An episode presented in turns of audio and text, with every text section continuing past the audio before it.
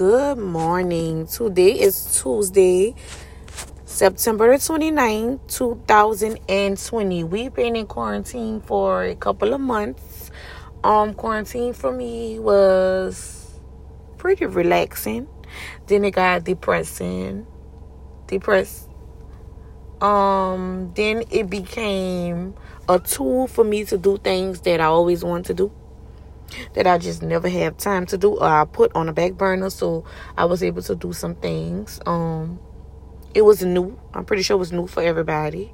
Um but today I want to talk about manifestation and having connection. Manifestation to me is when you speak something into existence and you move. And sometimes you don't have to move. It just happens from connections or things you may like or be drawn to and connected to. And you might have an idea and it just manifests. But when you have an idea of any kind, try to move. You know, oftentimes we say we want this and we want that and we never move.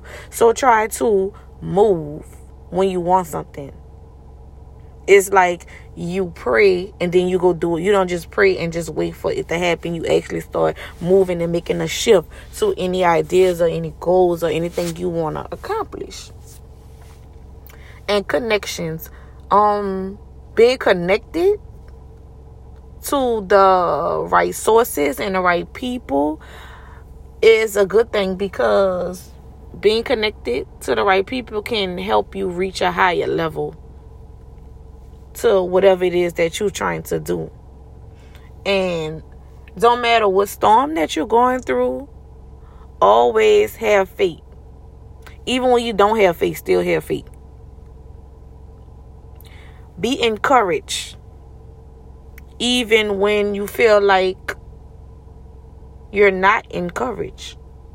Try to look look at something whatever you're going through, try to look at something good in it.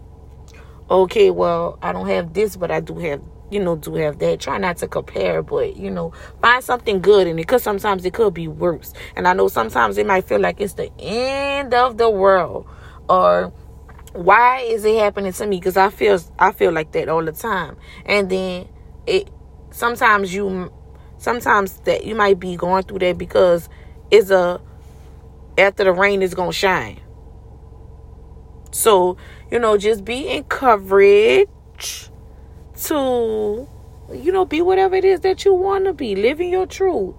Um, yeah, do all the things that you you want to do.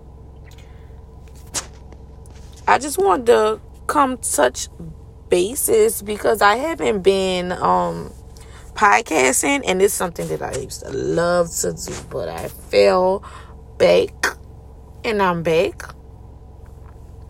So, yeah, I've been working on a few things. So, I would like to hear from you guys. I hope you guys listen to everything that I said. And I hope you have a blessed Tuesday. And remember to always be noble.